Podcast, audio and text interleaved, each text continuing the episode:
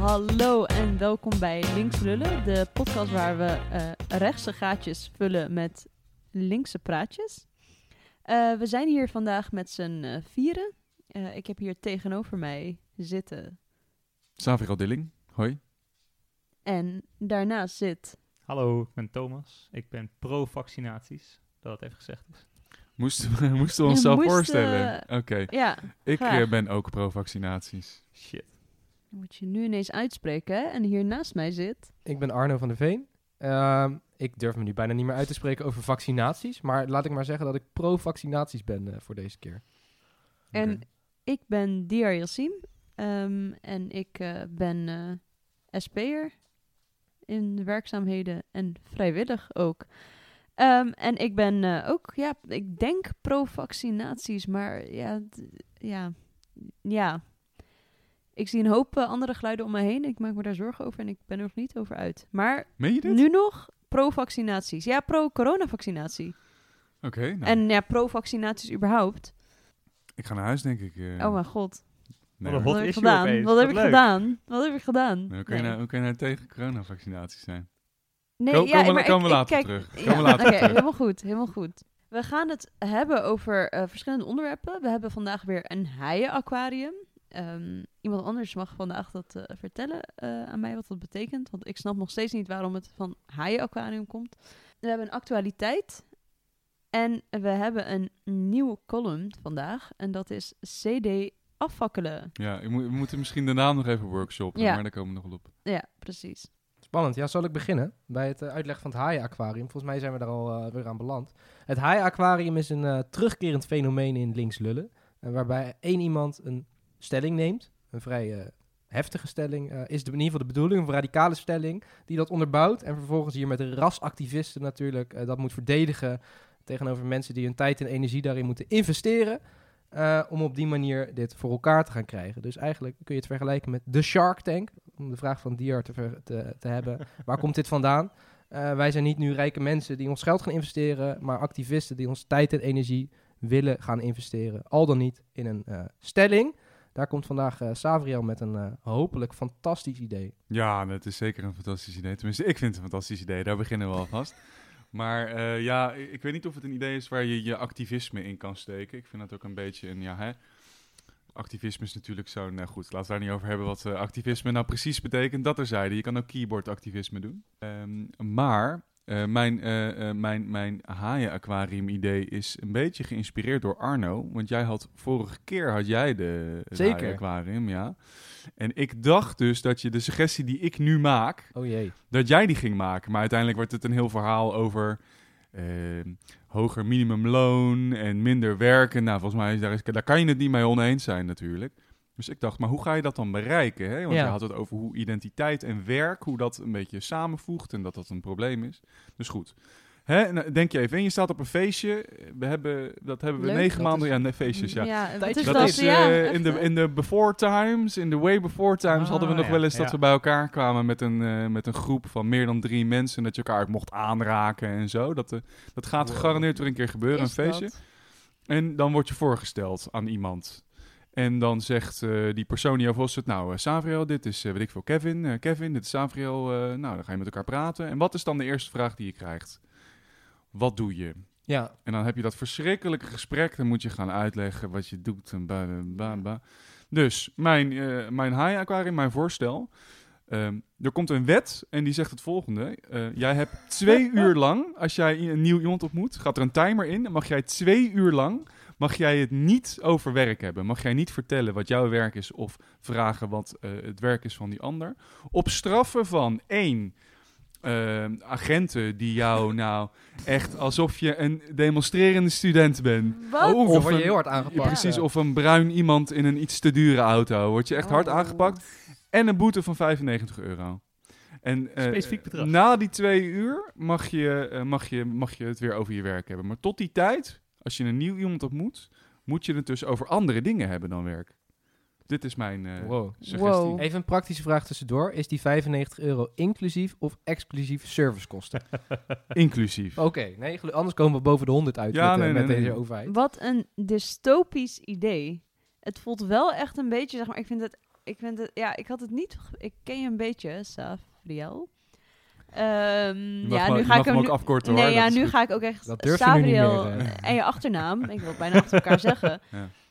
Dit had ik niet van jou verwacht, want ik vind het wel een heel autoritair idee. Hoe wil je dit? Eén, hoe wil je dit handhaven?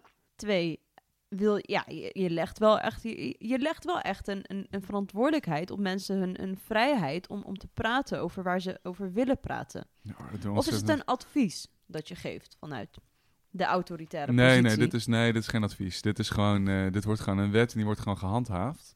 Maar ik vind dat ik nu wel weer heel erg gepakt word op, eh, op mijn politieke filosofie. Dit, maar laten, laten, we gaan, laten we hier later op terugkomen. hier. Laten we eerst even praten over... De, ik bedoel, dit is toch gewoon best wel een aantrekkelijk ja, nou ja, idee? Hey, even, even een paar praktische vragen tussendoor, of misschien niet tussendoor. Nou, Ehm, praktische vragen. hey, eh, twee uur, dus eh, hè, 120 minuten. Wat als ik jou drie kwartier voor het eerst spreek en dan gaan we weer uit elkaar en dan spreek ik je nog een keer, eh, hè, weer een langere periode? Eh, telt het door of reset het na elke ontmoeting? Nee, daar gaat de klok eh, die gaat, die gaat door. Het is echt een, een, een, een periode van twee uur. En die mag je ook opdelen in hè, twee keer één uur of vier keer een half uur of whatever. Dat mag. Ja, wel fantastisch, want dan kan je meteen die coronamelder-app voor gaan bru- gebruiken. Die is straks nutteloos, maar die houdt toch bij bij wie je in de buurt bent. Dus dat zou ideaal hiervoor kunnen zijn. Ja, of die Even chip, meedenken, hè? die even chip, Heel opdenken. goed, die, heel chip die je krijgt bij, bij het vaccineren, Oeh, goed punt. ehm, die zal dat waarschijnlijk bijhouden. Die chip van Bill Gates. eh, Ja, precies. Oh, ik dacht broeder Xi. Oké. Grapje, Wow. grapje, grapje, Ja, ja, ja. grapje. ja. Nee. Nou, ik zit eraan te denken. Ik kijk wel eens het. Ik weet niet of jullie dat wel eens doen, maar dat tv-programma First Dates. En ik lig dan altijd in een deuk over hoe ze worden ge- gematcht op basis van hun beroep over het algemeen. Of een hele voor de hand liggende eh, hobby, neem Disney. En daar extreem fan van zijn. En dan komen ze samen en dan zijn altijd de eerste dingen die ze zeggen vrij oppervlakkige, oppervlakkige dingen. Ze zeggen, wow, we zijn helemaal gelijk. We matchen met elkaar, want we zijn hetzelfde beroep. We werken allebei in de horeca of we zijn allebei Disney-fan. En dan uiteindelijk zie je in de aftitelingen eigenlijk altijd dat de mensen die op basis daarvan dachten, wow, we zijn een match, dat die daarna nooit meer afspreken. En dat mensen die eigenlijk vanwege een, een veel spontaner of een wat meer open gesprek, gewoon over waar ben je naar op zoek en wat, wie ben je eigenlijk eh, achter de persoon, om het zo maar te zeggen, dat dat veel meer diepgang oplevert en uiteindelijk ook mensen die elkaar vaker blijven zien. Ja. Dus in die zin denk ik wel dat het een soort diepte biedt. Ja, ja, ja, en nu komen we ook tot, tot het vlees van mijn voorstel. Hè. Het gaat mij er natuurlijk om dat je, dat je jezelf niet meer zo vereenzelvigt met je werk. En dat je, hè, dat je dus ook leert op andere manieren jezelf te, uit te drukken naar andere mensen. En dat je het dus ook andere dingen hebt. En dat je in de hoop dat je daardoor ook werk minder belangrijk gaat vinden. En gaat begrijpen, hé, hey, dat voorstel van Arno van eh, minder werken is eigenlijk helemaal niet eens zo'n slecht idee. Cultureel een, een reset maken, dat je het eigenlijk normaliseert om het niet overwerkt te hebben. Zeker, maar En dat- probeer jij maar eens een keertje, dat moet je echt voor de lol doen. Dat doe ik, heb ik oprecht wel eens gedaan op een feestje. Als iemand dan aan jou vraagt, zo, nou wat doe je? En dat je zegt, nee, ik werk niet. Ik doe even niks. Ik, nee, ik, eh, ik doe even Ja, niks. ben al het mis moet, jij, het moet jij even kijken, moet jij even kijken hoe, snel, hoe kort dat gesprek duurt. Dat is namelijk helemaal niet iets wat je kan zeggen eh, in deze maatschappij, dat je niet werkt. Kan niet. Ik ga toch weer aanhaken op kritiek van Diar. Want eh, hè, we moeten eerst even vragen sturen. Maar Di- Diar komt met een goed punt. Het is heel autoritair. Hè? De staat gaat bepalen waar wij het wel en niet met elkaar over hebben. En als ik nou toevallig mijn baan heel erg leuk vind, dan mag ik daar toch met mensen over praten. En waar trek jij de lijn op werk? Want ik denk dat je het hebt over betaald werk. Ik doe ook veel vrijwilligerswerk. Mag ik het daar wel over hebben? Ehm, hoe zit dit, Savriel? Ja, ik trek de lijn bij betaald werk. Dus dat is een goed punt van jou. En ik denk ook dat zelfs dat is anders voor mensen. Ik weet van mezelf bijvoorbeeld. Ik denk dat ik zou het heel moeilijk hebben met deze wet. Want ik ben gek op mijn baan. En ik vereenzelvig mezelf ook heel erg met mijn, met mijn werk. Ik heb het graag over mijn werk. Ik ben eh promovendus politieke filosofie. Dus ja, voor mij is dat verschrikkelijk lastig. Maar misschien is dat ook wel goed. Misschien moet ik daar ergens anders maar iets vandaan halen. Of misschien moeten we gaan beseffen dat betaald werk... dat het eigenlijk helemaal niet zo... hm, misschien, moet er, hm, misschien moet er iets anders zijn. Maar is het niet ook al zo dat als je jouw werk niet leuk vindt, ehm, dat je het ook minder automatisch er veel over gaat hebben? Ja, dus, Dus daar, dat je voor dat soort mensen is deze wet toch fantastisch, Ja, Ja, zeker. maar- Kijk, ja. En dat is misschien nog wel mijn voornaamste vraag bij, bij dit voorstel. Als het mensen hun leven wel blijft beheersen in, in concrete zin. Hè, in, in vijf dagen per week moeten werken en er in het weekend eigenlijk ook nog mee bezig moeten zijn. Omdat je baas je de hele tijd lastig valt. Ja, dan is het wel lastig om dan te zeggen. Nou, maar s'avonds in de kroeg mag je het niet daarover hebben. Dan moet je maar wat anders bedenken. Je Dus- bedoelt bitch op je baan. Ja, dat moet je, ja dat, ook dat moet kunnen bij nieuwe mensen. Ehm, en de vraag is dus in hoeverre als je leven daadwerkelijk wordt beheerst door je baan, hoe voorkom je dan dat je het erover gaat hebben? Nou, je leven dus minder laten beheersen door je baan. Dit is, dit is- jongens, ik plant hier een zaadje voor een, voor een revolutie, hè? Dat is natuurlijk wat ik aan het doen ben. Het interesseert me helemaal geen ruk of mensen het over hun werk hebben, ja of nee. Het gaat mij erom dat mensen gaan beseffen, hé, hey, eigenlijk is het heel vervelend dat ik maar twee dagen heb om bij te komen. Ik heb helemaal geen hobby's, ik heb helemaal geen tijd voor. Ik heb helemaal geen interesses, heb ik helemaal geen tijd voor. Misschien moet ik eens wat minder gaan werken. Maar is, is om, ja, om, om bij die conclusie te komen, is het dan ook niet juist nodig dat mensen überhaupt meer gaan bitchen over hun baan? Dat ze niet zo'n opgemaakt verhaaltje eh, ophouden van... eh, ja, ik werk bij dat en dat en het is fantastisch. En ehm, nee, ja, het, eh, ik voel me best wel... Denk, mensen gaan vaak automatisch, vooral bij eerste gesprekken... het best wel een positief verhaal houden over hun leven, over hun werk... En dat zie je ook vaak zeg maar, op social media. Mensen ehm, ehm, laten hun, hun leven veel rooskleuriger zien, vooral onze generatie. En moet je niet juist het normaliseren dat je gewoon even lekker kan bitchen over je werk. Dat je kan zeggen, godverdomme, hoe mijn baas me vandaag behandelde, dat was echt niet oké. Of dat ik eh, eh, weer geen pauze kreeg vandaag, weet ik het veel. Gewoon lekker bitchen over je werk.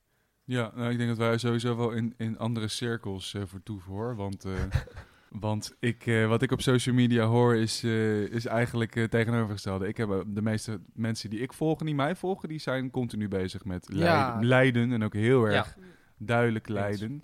Dus eh, ik denk dat we daar misschien eerst even de, de data voor moeten hebben. De, ja, oh, en, Thomas. verschillende social media. ja, Thomas. En de verschillende social media. Heb je het over je private Twitter of heb je het over Instagram? Ja, jij, bent- jij bent van de cijfers. Thomas. Wij denken Oh, automatisch dat jij alle cijfers, dat je alles weet over alles. Ik heb het even gegoogeld. Nee, ehm, ik, eh, nog een kritiekpunt, Saaf. Want het, het gaat nog niet heel goed met het voorstel. Maar misschien zijn we kritisch en daarna wel heel enthousiast hierover. Eh, je zei net, eh, ja, misschien moeten we allemaal maar wat minder gaan werken. En wat minder met ons werk bezig zijn. Dat is een eh, positie die uit, uit enorm veel privilege komt. Je moet maar minder kunnen werken. De meeste mensen in Nederland eh, leven eh, loonstrook tot loonstrook. En kunnen maar amper rondkomen.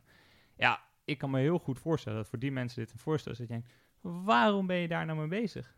Waarom is dit nou het belangrijke waar we ons eh, voor in moeten zetten?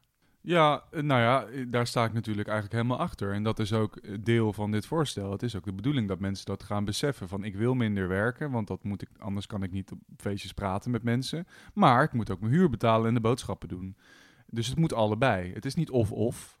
Het, het gaat erom dat we dus de, de, eh, het sociale contract moeten veranderen met eh, wat heb je nodig om te overleven. Nou, en ik vind dus eigenlijk dat we onderhand mag je best wel overleven op eh, vier dagen werk of drie, mm, zeg maar twee. Dat zou ik ook goed vinden. Ja. Wie biedt minder? Half.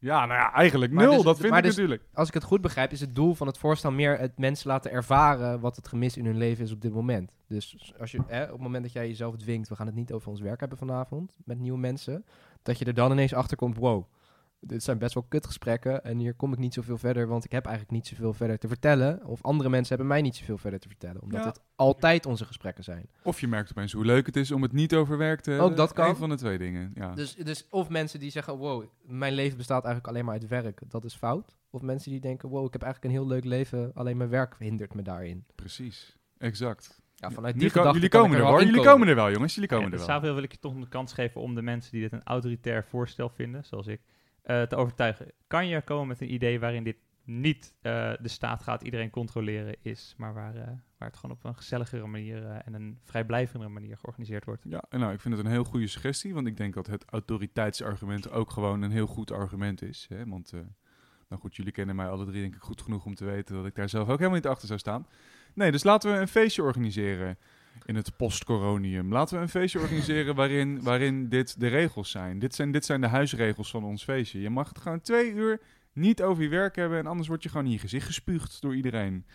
Eh, Dat moet of, wel echt eh, post-corona zijn. ja. ja, ja, ja. We gaan, we gaan full-blown, eh, gaan we daarvoor, ja. Ja, Is dit- ja is of je maakt er een drankspel van. Dat zou ook nog kunnen. Zodra je over je werk begint, moet je drinken. ja, maar dan worden mensen er weer... Ja, dat motiveert toch altijd weer om dat dan juist wel Ja, te doen. Dus waar, na dat is verloop waar, van tijd. Dat is waar, dat is waar. Maar ik zou, het, ik zou er best wel voor zijn om het zelf gewoon dingen te gaan organiseren waar je dat dan als regels stelt. En dat dat uit een vorm van eh, sociale controle misschien voort moet komen. Ja. Dat hoeft helemaal niet een politieagent te zijn die daar eh, op dat feest rondloopt. Ja, ja, ja. Maar dat kan ook mensen zelf zijn die zeggen, hallo, gezellig houden. Niet over werk beginnen. Nou, hier ben ik voor. Jongens, ik, dan, dan trek ik mijn voorstel terug en dan lever ik hem de- eh, in op deze manier. Dat we dat zelf gaan doen. Dus geen autoritaire staat. Zelforganisatie. Zelforganisatie gaan we het dan doen. Zo, zo stel ik hem meer voor, ja.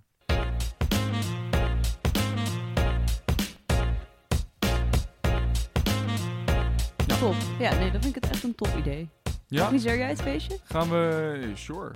Zullen we even stemmen, jongens? Ja, is goed. Ja? Ik stem Eh, voor. Heel Ja. duidelijk. Ja. Ik ben ook voor. Ja, ik ben tegen. Ik vind dit nog steeds veel te veel controle op mijn persoonlijke uitingen. En eh, zoek het lekker uit, man. Als ik wil vertellen wat ik op mijn werk gedaan heb, ga ik erover vertellen. Ja, maar dat, ra- dat raakt denk ik wel nog een volgende vraag. En dan heb jij maar te luisteren, Arne. Een wil, zeg maar, waar komt de wil van het praten over je werk vandaan? Komt die uit jezelf? Of komt die vanuit de omstandigheden waarin je werkt?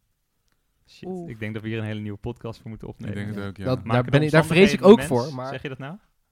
Nou ja, in hoeverre heb je vrije wil over waar je over praat? Oeh, nou wordt het wel heel moeilijk. Maar, maar wat ik... Arno en überhaupt over vrije wil hebben. Ja, nou goed, uiteindelijk moeten we het daar natuurlijk een keertje over hebben. Hè. Dat is natuurlijk ook een heel links onderwerp. Maar wat ik nu vooral vervelend vind, is dat Thomas mij de eerste volledige winst van de, het haai-aquarium eh, door de neus boort. Hey, geniet ervan. Het is een unicum tot nu toe. Nee, ja, oké, nou. Thanks. Dan gaan we op naar het eh, volgende onderwerp. Ehm, volgens mij wilden we heel graag een actualiteit bespreken. Er gebeurt van alles in de wereld. En ehm, nou ja, als we eh, rechtse gaatjes willen vullen, dan eh, moeten we die met linkse praatjes ook tegenwerken. Ja, En ik Arno? had, ja, ik, nou ja, we zijn bezig met, de- met, met de verkiezingen natuurlijk. Die komen er alweer over een aantal maanden aan. Dat zou je behaast niet denken vanwege alle corona en alle ontwikkelingen die er gebeuren. Maar ook dat gaat nog gebeuren. En je ziet nu alle programma's, alle partijen met hun eigen punten komen. Eh, en dat leek mij een mooi moment om eigenlijk in te zoomen op eh, het schuldenstelsel. Het leen, sociaal leenstelsel zoals die in 2014 volgens mij is ingevoerd. Eh, toen met veel verzet van studentenvakbonden, andere vakbonden. En ook linkse partijen overigens, behalve GroenLinks. En de PvdA trouwens, die hebben ook meegestemd toen. Ehm, maar je ziet de afgelopen jaren, zes jaar, daar een grotere opbouw van, van jongeren die zich daartegen uitspreken. En die nu voor het eerst eigenlijk, eh, zowel met de Landelijke Studentenvakbond als de Vakbond voor Jongeren die werken, de FNV Jong, een gigantische campagne op touw hebben gezet in coronatijd. Hashtag niet mijn schuld. Waarin ze zeggen, het is niet mijn schuld dat ik zo'n grote studieschuld heb. Eh, en daar eigenlijk consequent een jaar lang naartoe hebben georganiseerd. Met een vrij ambitieus doel: studeren zonder schulden en schuldenvrij af kunnen studeren. Nou, als je dat doortrekt, dan kom je toch in de vele honderden euro's per maand die je beschikbaar moet stellen voor een student. Kwamen zelf uit op geloof ik 750 euro destijds. En dat is meer dan het dubbele eh, van de oude basisbeurs. Eh, dat is gigantisch ambitieniveau. Eh, maar zijn ze met een grote groep studenten voor aan de slag gegaan. En hebben ook iedereen wat te doen gegeven. Ieder, ieder, iedere activist heeft bijvoorbeeld een eigen Kamerlid die die heeft geadopteerd op Twitter. En die ze eigenlijk wekelijks een eigen update sturen met hun studieschuld. Eh, en wat zij ervan zouden vinden als zij in deze tijd zouden moeten studeren. En je merkt dat dat gewoon druk oplevert bij Kamerleden, bij politieke partijen. En dat eigenlijk iedereen in de afgelopen jaren is gezwicht eh, voor de druk van de studentenvakbonden. eh, en nu een nieuwe basisbeurs in zijn verkiezingsprogramma heeft staan. En ik vind ook die opbouw heel mooi dat zo'n FNV Jong en een LSVB dan zeggen we willen schuldenvrij studeren. Daar is toch iedereen het mee eens. En dan hebben ze iedere partij mee en dan zeggen ze daarna, nou, dan hebben we hier een onderzoek. En dat laat zien dat je dan heel veel geld nodig hebt om schuldenvrij te kunnen afstuderen. En dan zitten die, de, de CDA's van deze wereld en de VVD's van deze wereld. Gaan we nu al CD afvakkelen? En D66, eigenlijk iedere partij van deze wereld zit dan ineens met de gebakken peren. Want dan moeten ze ineens gaan nadenken over serieuze bedragen die ze beschikbaar moeten stellen voor studenten. Waar ze in eerste instantie al een soort van, ja, toch dat hebben geaccepteerd. Tuurlijk moeten studenten schuldenvrij afstuderen. Nou, dat vind ik een hele mooie ontwikkeling van een, een studentenvakbond die toch niet altijd eh, de afgelopen jaren de meest progressieve kracht eh, in Mhm. het eh, krachtenveld was. Dus dat vind ik heel mooi om te zien eigenlijk. Ja, denk je dat het succes gaat hebben in de volgende verkiezingen? Ik denk dat er hoe dan ook een nieuwe basisbeurs inkomt. Eh, dat is denk ik winst. Ehm, en ik denk ook dat er een compensatie voor, voor, voor de vorige generatie in zit. Eh, de grote inzet wordt natuurlijk hoe hoog wordt zo'n basisbeurs. Maar wat ik heel tof vind is dat, dat de LSVB en, en FNV Jong en al die activisten zonder uitzondering iedere partij aanpakken. eh, tot ze die 750 euro overnemen. En tot ze zeggen met 10 uur werk in de week eh, moet je schuldenvrij kunnen afstuderen. Punt uit. Ja. En dat, ja, dat, dat principe, dat gaat nog wel even doordreunen, denk ik. Ook in mogelijke kabinetsonderhandelingen of wat dan ook. Ik hoop het, joh. Ik vind sowieso dat studeren met werken ernaast... Ik vind tien uur al te veel. Ik vind dat je zonder werken... Goed, eh, Ja, zeker als je een werkweek van terugkijken. 20 uur hebt. Hè, dat is gewoon een halve werkweek die ja, je dan... ja, eh, precies. Ja. Ja. Ik heb wel een vraag, want eh, waar ik een beetje bang voor ben, ja, bang, is als er zometeen ehm uit een regeerakkoord een, een nieuwe basisbeurs eh, komt. En nou ja, ik ben bang dat die nog niet eens gaat voldoen aan de laatste basisbeurs, die al te laag was voor heel veel mensen. En vooral in deze tijd waar het nou, huren in eh, een, een kamer huren ont- ontzettend duur is, je überhaupt geen kamer kan vinden. Ja, dat dat veel te weinig is en dat het effect op de beweging ehm, daarmee ook slecht gaat zijn. Want ehm, dan, heb je, ja, dan heb je iets gekregen, een kruimel die net genoeg is. En dan hebben Hmm. ha haakte eh, een deel van de, ehm, van de studenten die nu zo hard aan het strijden zijn voor die nieuwe basisbeurs en schildervrij studeren, haakt misschien ook weer af. Ik- ja, er zal vast een, een deel afhaken op het moment dat er een nieuw basisbeurs komt. Maar waar, eh, denk ik, heel goed op wordt georganiseerd, is op die schuldenberg. Ehm, en daar moet een oplossing voor komen. Dus als jij met 100 euro in een maand eh, in het bos wordt gestuurd, dat is hartstikke leuk. Maar dan zal iedere student nog steeds zeggen, oh, dan moet ik dus nog steeds 300, 400, 500 euro per maand bijlenen om rond te kunnen komen. Om Ja. überhaupt te kunnen leven. En als je organiseert op, op, op dat gegeven, we willen geen schulden hebben aan het eind van onze studie. We willen met een, een nieuwe, frisse start aan ons werkzame leven beginnen. Hoe cringe ik dat ook vind klinken.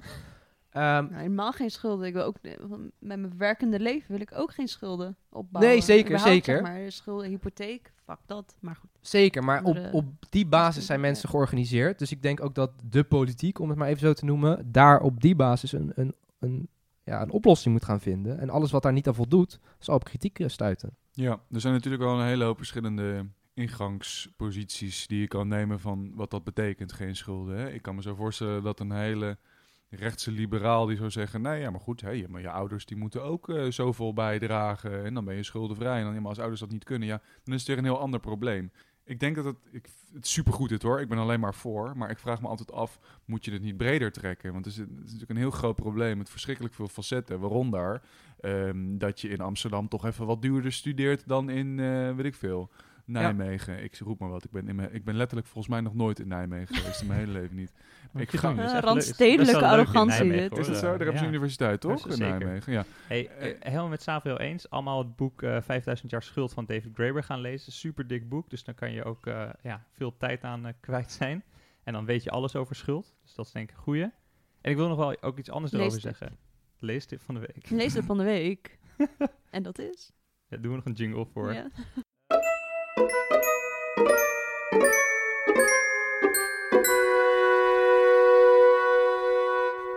van de week. Sorry, ben helemaal van verhaal. Oh ja, ik vond het heel eh, inspirerend om te zien hoe deze eh, activisten, 150 mensen zeiden, we gaan allemaal één Kamerlid uitkiezen, of misschien zijn ze toegewezen, weet ik veel. En dan ga je gewoon achteraan, achteraan, achteraan. En je merkt dat dat best wel impact heeft en dat het ook makkelijk kan nu. Het is een vorm die corona-proof heel lekker gaat. Ik vond het wel heel leerzaam om te zien. Ik had nog eigenlijk weinig acties in deze tijd zo slim georganiseerd voorbij zien komen. Wat vinden jullie daarvan? Ik vind het wel een beetje... Ja, n- daar word ik toch wel een beetje kriegel van. Een beetje lobbyen. Zeg maar alleen maar ouderwets lobbyen. En ik mis toch wel echt, echt die studentenbeweging die eh, ehm, naar zo'n ministerie gaat, die daar de bol gaat bezetten, die een universiteit gaat bezetten, het maagdhuis gaat bezetten, iedereen zijn moeder gaat bezetten. Ja, dat, tuurlijk, dat, dat ben ik met je eens. En dat, dat moet ook gewoon weer terug. Maar als je dat nu doet, ja, er is niemand op een ministerie. Nee, ja, ze- ja Eh, zeker. De universiteiten zijn leeg. Ja. Nee, maar ja, ik, ik, snap best het punt dat deze actie niet zaligmakend is. Maar er zijn natuurlijk ook eh, eh, postkaartacties geweest. Waarbij je werd opgeroepen zoveel mogelijk postkaarten te sturen naar een of andere pipo. Om daar persoonlijk druk op te zetten. En wat ik wel zie is dat het heel massaal gebeurt. Dat die mensen elkaar ook allemaal weer zitten te liken, te retweeten, weet ik het wat. En het daardoor voor de buitenwereld nog een stuk groter lijkt ook nog. Dan dat het, nou ja, het is ook best wel groot. Maar het, het wordt wel goed door ze opgeblazen, vind ik. Mhm. En dat is denk ik het grote voordeel. En natuurlijk moet daar, daar dingen bij komen en moet daar ook fysiek gewoon een beweging achter zitten. Tuurlijk, zeker. Eh, maar het is wel een mooie manier om het onder de aandacht te brengen. Om er jongeren, eh, ook in je eigen omgeving, als ik zoiets tweet, zitten er ook allemaal oude klasgenoten van mij of weet ik het wat, die dat ook weer zien. Eh, het zorgt er wel voor dat mensen zich openbaar uitspreken en daar hun eigen omgeving in proberen mee te nemen.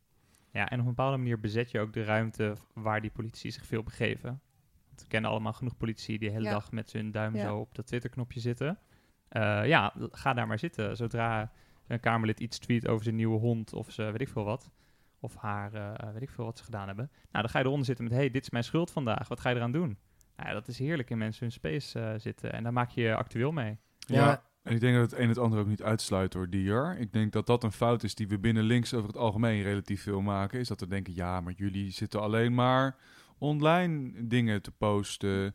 En dat is niet goed, want het enige wat goed is, Nou, is als je ja, de boel nee, gaat bezetten. maar Alleen woorden. allebei nee, goed. nee, nee, maar alleen maar online posten is ook niet genoeg. Nee, nee, dat beweer ik ook niet. Maar ik, wat ik, ik zeg alleen dat je Dus het niet moet gelijk. afzweren. Nee, dat helemaal niet.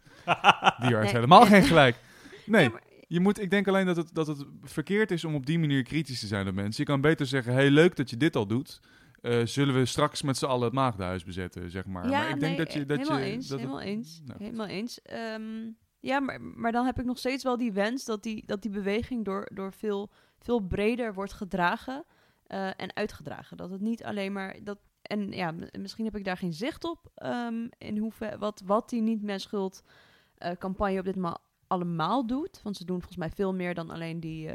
eh, ehm, die eh, Kamerleden irriteren op. Twitter. Maar er, er is nu wel echt een, een hele brede groep studenten die echt wel eh, te porren is. Mensen die helemaal niet politiek actief zijn, mensen die überhaupt niet op Twitter zitten. Die moeten we ook niet vergeten. Die best wel te porren is om eh, nou, misschien wel zo'n eh, ehm, zo'n gebouw te bezetten. Maar wie Of zit een er nou niet op Twitter, Dat- die mensen bestaan toch helemaal niet? Nou ja, twee dingen. Eén, er zijn natuurlijk eh, zat fysieke acties ook georganiseerd. De LSVB heeft samen met FNV Jong een dag van, de, dag van het alternatief georganiseerd. Waar ze ook iedereen voor hebben uitgenodigd. En er best wel wat actieplannen zijn gesmeed. eh, om dat ook te doen. Er is een eh, manifestatie geweest voor de Tweede Kamer. Voor schuldenvrij afstuderen. Met alle politieke jongerenorganisaties die erachter staan. Dus daar gebeuren dingen. Maar ik denk dat we ons ook bewust moeten zijn van jongeren die nu misschien actief, voor de eerste keer politiek actief worden in hun leven. In coronatijd, wat best een bijzondere tijd is om dat te worden. En die nog niet per se meteen te porren zijn om even een, een ministerie te gaan bezetten. Eh, en die ook eerst de ervaring wil laten meegeven van een, eh, weet ik het, Henk Krol eh, tweeten. Die gewoon week na week na week na week niet op je reageert. En op een gegeven moment zorgt dat ook voor frustratie. En ben je ook sneller toe om te zeggen, oké, we hebben het geprobeerd om gesprekken aan te gaan. Dat lukt niet, dan gaan we daar naartoe. Eh, dus ik denk dat je daarin ook een, een opbouw kan zien. En Sabri had het net over die rechtse, die rechtse pipo's, die, die er misschien een hele andere uitleg aan, aan geven. Dat is volgens mij het gevaar inderdaad van zo'n campagne. Eh, en daarin heb je volgens mij genoeg mensen nodig in zo'n beweging eh, die daarvoor waken, die hun verhaal daarin op orde hebben. En die daarin continu proberen door te trekken. Wat is nou schuldenvrij studeren? Wat betekent dat concreet voor mensen? Er zullen altijd mensen moeten blijven die daar blijven hameren. En die continu een beetje de, de zeur zijn. Zeggen maar, wat betekent het nou concreet voor mensen? Ja. Nee, goed. En ik denk dat we komende verkiezingen ehm, en daarna in het regeerakkoord wel gaan zien eh, wat dat gaat eh, betekenen. Die jaar is heel professioneel naar het volgende punt door aan het praten. volgens mij. Zeker, Ik wil nog zeker. één vraag stellen aan Arno, want volgens mij weet hij er heel veel van. Vooruit. Ehm, vaak als het over studeren gaat, gaat over hogere opleidingen. Hoe zit het met MBO? Eh, daar is op dit moment een, eh, een, een kleine vorm van studiefinanciering voor, maar is heel lang juist het, het on- ondergeschoven kindje gebleven eh, als het ging om de basisbeurs destijds. Dus het lijkt me heel zinvol, en daar is de SCB en FNV Jong zijn er ook vol voor aan het inzetten, om zo'n regeling gelijk te trekken voor mbo'ers. We in het verleden was er bijvoorbeeld ook geen OV-chipkaart beschikbaar voor mbo'ers, omdat er werd gedacht, ach, die, die gaan wel lekker dicht bij huis naar school. Ja, dat is natuurlijk bullshit.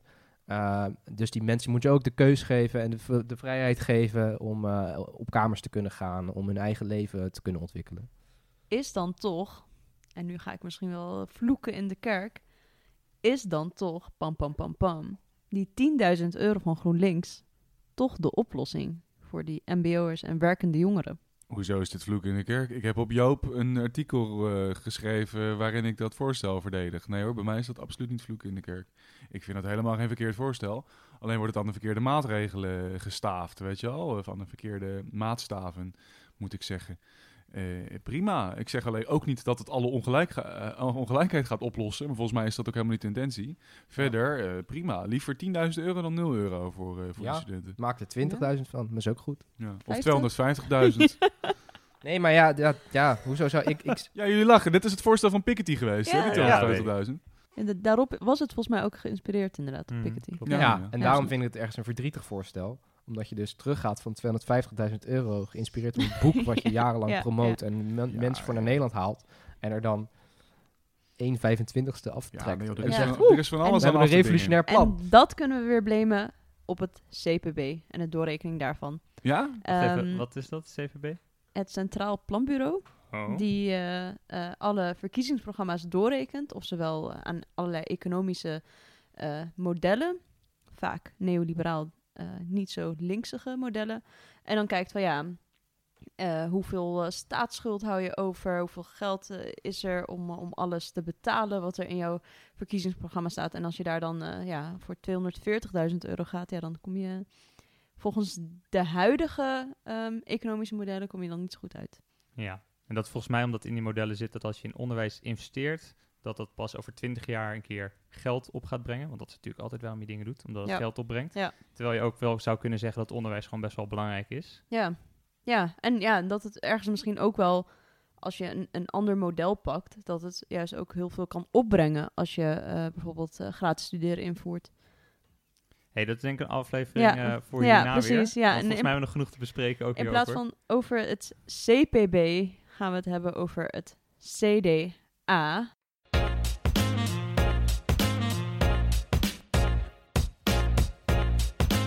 Fakkelen. Dat vind ik heel mooi. Dit, dit is echt een bruggetje. Ja, nice. Ja, Ehm, ja, ik, ehm, ja, ik was aan het denken van ja, waar, waar moet ik het nou over hebben hier? En ehm, ik moet eerlijk zeggen, ik weet helemaal niet zoveel van alle perikelen ehm, binnen het CDA. Ja, ik vind het niet de, geen leuke partij, maar het, ja, het is een partij die, ja, Nice. surprise, surprise. Maar het is een eh, partij die zich nu natuurlijk heel erg ehm, zichzelf naar voren schuift als eh, potentiële regeringspartner. Ehm, volgens mij zien partijen op links het als een potentiële regeringspartner, maar ook partijen op rechts. Ehm, en eh, nou ja, er is best wel veel aan de hand daar. Eh, want je had natuurlijk eerst eh, die hele leiderschapsverkiezing. ehm, Bedankt voor uw stem op Hugo de Jonge. ja, Ah, ja, ja, ja. precies, precies. Hij had, gewoon- nou. had gewonnen, toch? Het schijnt. Ja, oké. hele drama en iedereen en zijn moeder van buiten de partij ook, die was zich ermee aan het bemoeien. En eh, me- mensen waren team Pieter Omtzigt, mensen waren team eh, Hugo de Jonge. En hele verkiezing. En toen nu, pats boom. En ik dacht van, nou ja, kijk, de SP of, eh, wordt er wel eens van beschuldigd dat het niet een hele democratische partij is. Ehm, en ik weet ook niet hoeveel je van het CDA moet verwachten. En nu ineens, pats boom, eh, Wopke Hoekstra, die wordt in één keer gewoon hupsake die poepsake die Poef.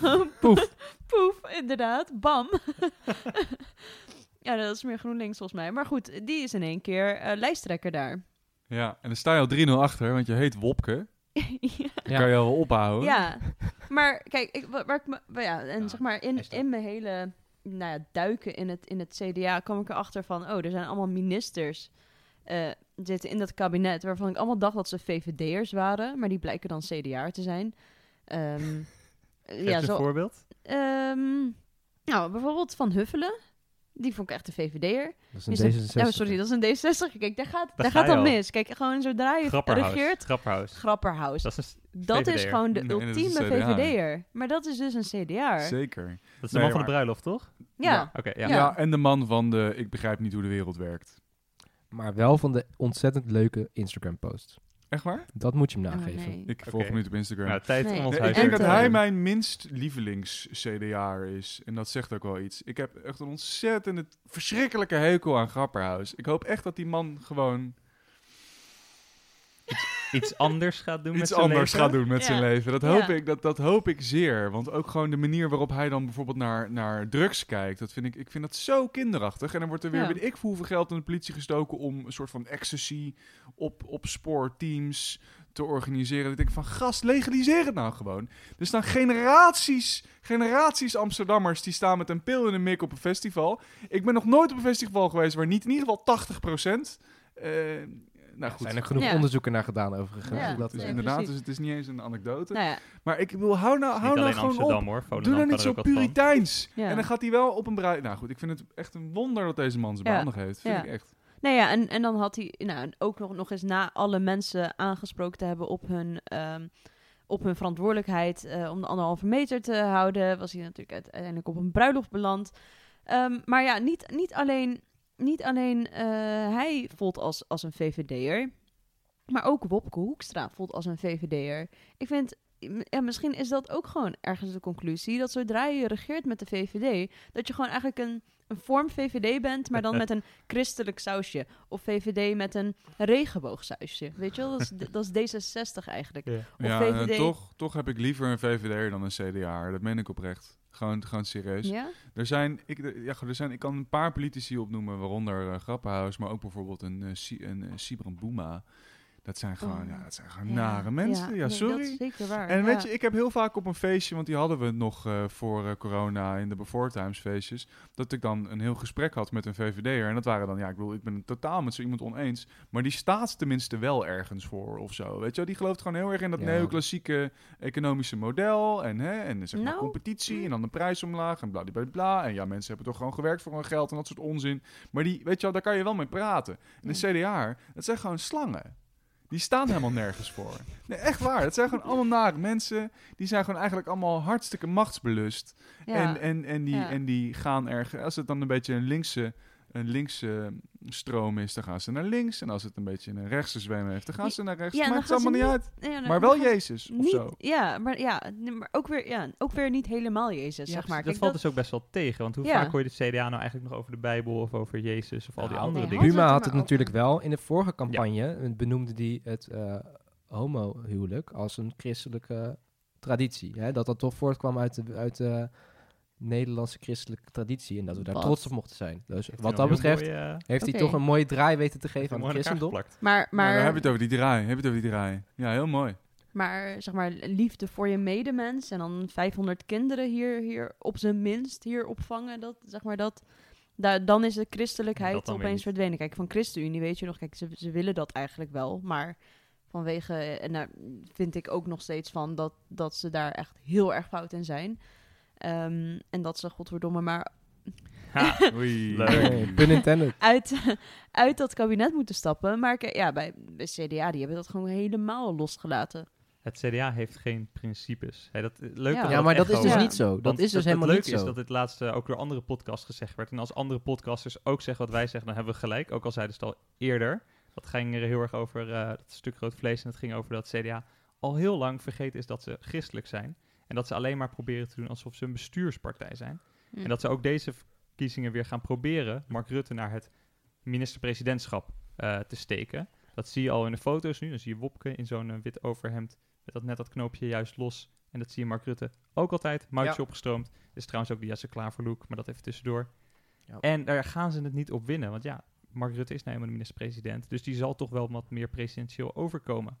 Ja. Terwijl het CDA christelijke waarden heeft. Wat die dan precies zijn, dat moeten ze denk ik nog even met elkaar bespreken.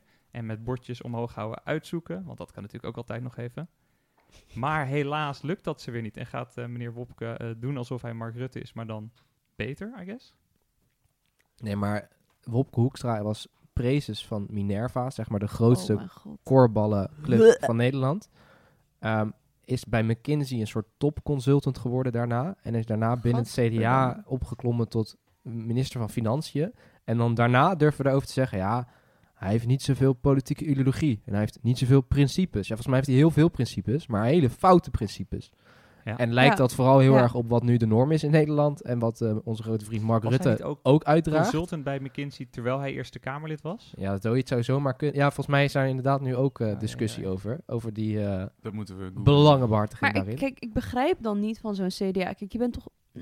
waarom, waarom zet je dan niet gewoon na zo'n verkiezing, zet je dan gewoon Pieter Omtzigt daar neer? Bedoel, je hebt een hele verkiezing gehad, heel drama daaromheen. Die Pieter Omtzigt, die verliest het nipt. Die heeft ondertussen op de toeslagenaffaire, heeft hij nou, in, in de ogen van heel veel mensen wel sympathieke dingen gedaan. Mhm. Vet principieel, nog iemand waarvan je ergens denkt dat hij nog wel iets van principes of, of waarde heeft. En die, ja, dan zet je daar, ja, zet je daar zo'n Wopke Hoekstra neer om een soort van hij Mark hem Rutte 2.0. Ja, maar Arno, misschien wil jij vertellen over het filmpje met de trui en dat hij zonder trui weer naar Ja, buiten ik vond het heel grappig, want er was dus een een of ander georganiseerd persmoment vanuit het CDA. Die hadden het Nieuwsuur en alle andere RTL Nieuws volgens mij ook ingelicht van tevoren. En toen kwam eh, Hoekstra daar eh, verrast naar buiten, terwijl hij dat zelf dus had georchestreerd. Met, oh, wat een verrassing dat jullie voor de deur staan. En dan ging NOS dan ook serieus in. Ja, nou ja, we, dachten, we komen eens langs. Toen kwam toevallig Pieter Omtzigt aan. Hij had dus een kooltrui aan, zo'n mooie kooltrui, zo tot aan zijn nek. En een colbertje eroverheen. En toen kwam hij naar buiten. Toen was hij helemaal rood aangelopen. Alleen nog een wit overhemdje aan met zijn colbertje eroverheen. Trui was nergens meer te bekennen. Later heeft hij gezegd dat eh Lieselot de open haard had aangedaan. Dus dat hij het een beetje warm kreeg van d- daar binnen. Maar het was echt een fantastisch beeld. Het was een soort hostage video van Pieter Omtzigt. Ja, je kreeg echt de behoefte om, om te seinen naar hem van als je... Ja. Maar hij spreekt dan ook zo'n is, zo'n knip- Knip, knippen voorgeoefend- met je ogen. Ja, Ja, precies, maar hij knipper heeft drie dan keer zo'n met je ogen. zinnetje en dat, dat zegt hij en dan zegt hij, ja, en dan zucht hij aan het Ja. einde nog mee. Ik denk, ja, nou, deze man mocht het niet van de rest. Ja, nou ja, zo gaat het ook soms in de politiek. Ja. Ja, precies. En goed, deze man eh, is natuurlijk sowieso de duivel, omdat hij bij, de CD, omdat hij bij CDA zit. Maar Het is niet voor niets CD afwakkelen. misschien dit. is hij dan iets minder de duivel dan, eh, dan andere CDA'ers. Maar goed, hij, hè, hij bestaat onderhand uit dolken. Hè, daar hadden we het natuurlijk ook nog over. Hij is vaak eh, in zijn rug gestoken, maar hij ja, hij blijft toch bij het CDA. Moeten, moeten, we, moeten we hem gewoon niet naar GroenLinks loodsen, jongens? Of naar D66? eh, Eén stapje, Even één stapje inhoudelijk over deze man. Eh, Hij heeft best wel veel rechtse ideeën hoor. Ik bedoel, ja. we vinden hem erg leuk vanwege de Nee, eh, toeslagenaffaire. Maar daarachter zit best wel een, eh, een rechtse ideologie van deze Pieter Omtzigt.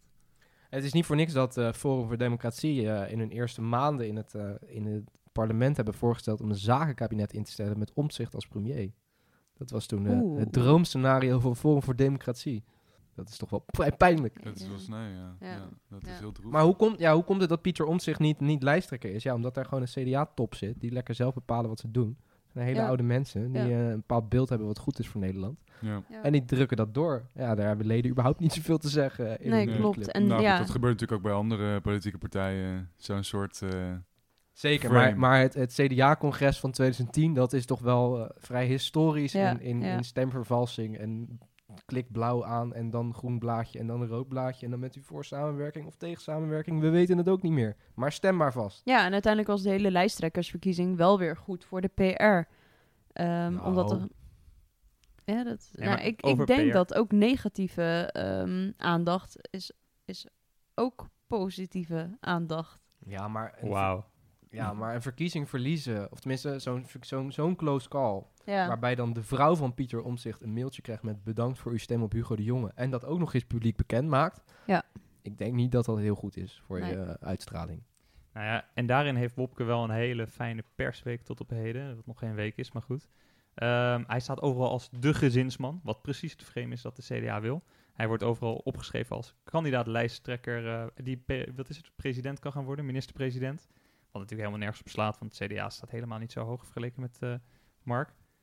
Ja, het is heel bijzonder hoe dat gaat met de eh, NOS Ja, en ik- alles eromheen. ik kan me echt niet voorstellen dat iemand die... Wat is het nou? Pre, pre- preserve? Pres- Jezus. prezes? Ja, ik weet echt Prezes. niet wat De al die grootste studenten... pipo van, eh, van de, van, Oh, van de oké. Ja, studentenvereniging. ik ken al die Ik vind dat wel een goede ervaring om dan ons land te leiden, Ja, moet ik zeggen. Dat is echt wat ik wil. Ja, maar, iemand die, die, die zo'n pre- prezes is geweest... ik, ik kan me helemaal niet voorstellen dat het een gezinsman wordt.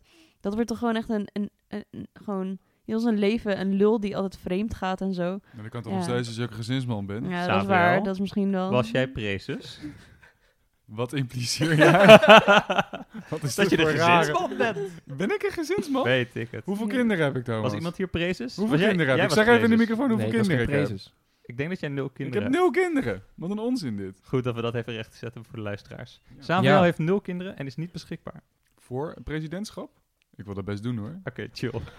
Afgesproken. Saaf voor president. Zakenkabinet met Saaf. Ja, Kom ja maar. dat is hoofd. Ja.